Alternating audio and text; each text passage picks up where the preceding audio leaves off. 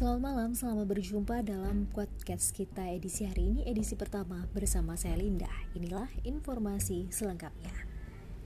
Digital Diary yang disebut Jokowi aplikasi pelacak gerak kasus COVID-19. Listener Presiden Joko Widodo ingin agar pelacakan agresif terhadap kasus COVID-19 di Indonesia dilakukan menggunakan teknologi. Digital Diary dari Selandia Baru disebutnya sebagai salah satu contoh. Dilansir dari situs Kementerian Kesehatan Selandia Baru dan diakses oleh detik.com pada Kamis 4 Juni 2020, Digital Diary yang dimaksud adalah aplikasi ponsel pintar bernama NZ COVID Tracer, diluncurkan oleh pemerintah Selandia Baru pada 20 Mei 2020.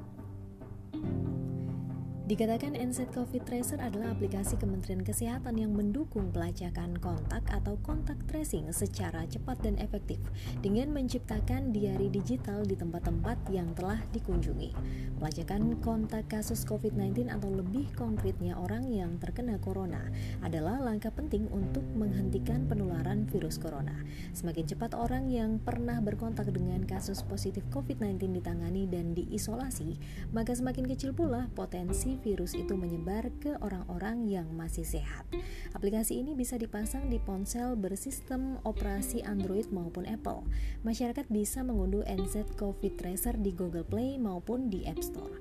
Penggunaan aplikasi perlu memasukkan email dan menggunakan password di aplikasi itu terlebih dahulu, termasuk mengisi data diri. Dikutip dari detik.com edisi hari ini Kamis 4 Juni 2020, saya Linda, sampai jumpa di episode selanjutnya.